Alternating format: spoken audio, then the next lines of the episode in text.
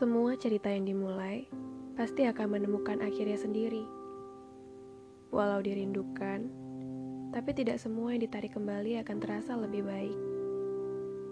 Aku mau nanya, kamu sudah memaafkan dirimu sendiri belum?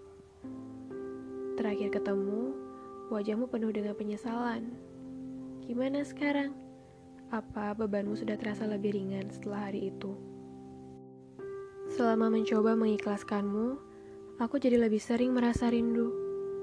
Rindu wajahmu yang jarang aku lihat, rindu tanganmu yang jarang ku genggam, rindu suaramu yang jarang ku dengar, rindu pesanmu yang jarang aku terima. Rasanya banyak hal yang belum sempat kita lakukan bersama, tapi nggak apa-apa. Aku pasti akan ikhlas nanti. Dulu aku ingin sekali jadi orang yang kamu cari saat merasa nggak baik-baik aja. Sampai sekarang juga masih begitu. Tapi aku nggak tahu kalau aku adalah salah satu alasan buat kamu merasa nggak baik-baik aja, bahkan sejak lama.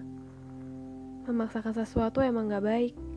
Berkali-kali aku berpikir untuk menarikmu kembali, tapi berkali-kali juga aku membayangkan wajahmu yang tidak bahagia.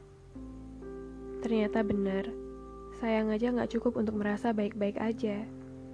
Sayang aja, nggak cukup untuk menjalani sebuah hubungan.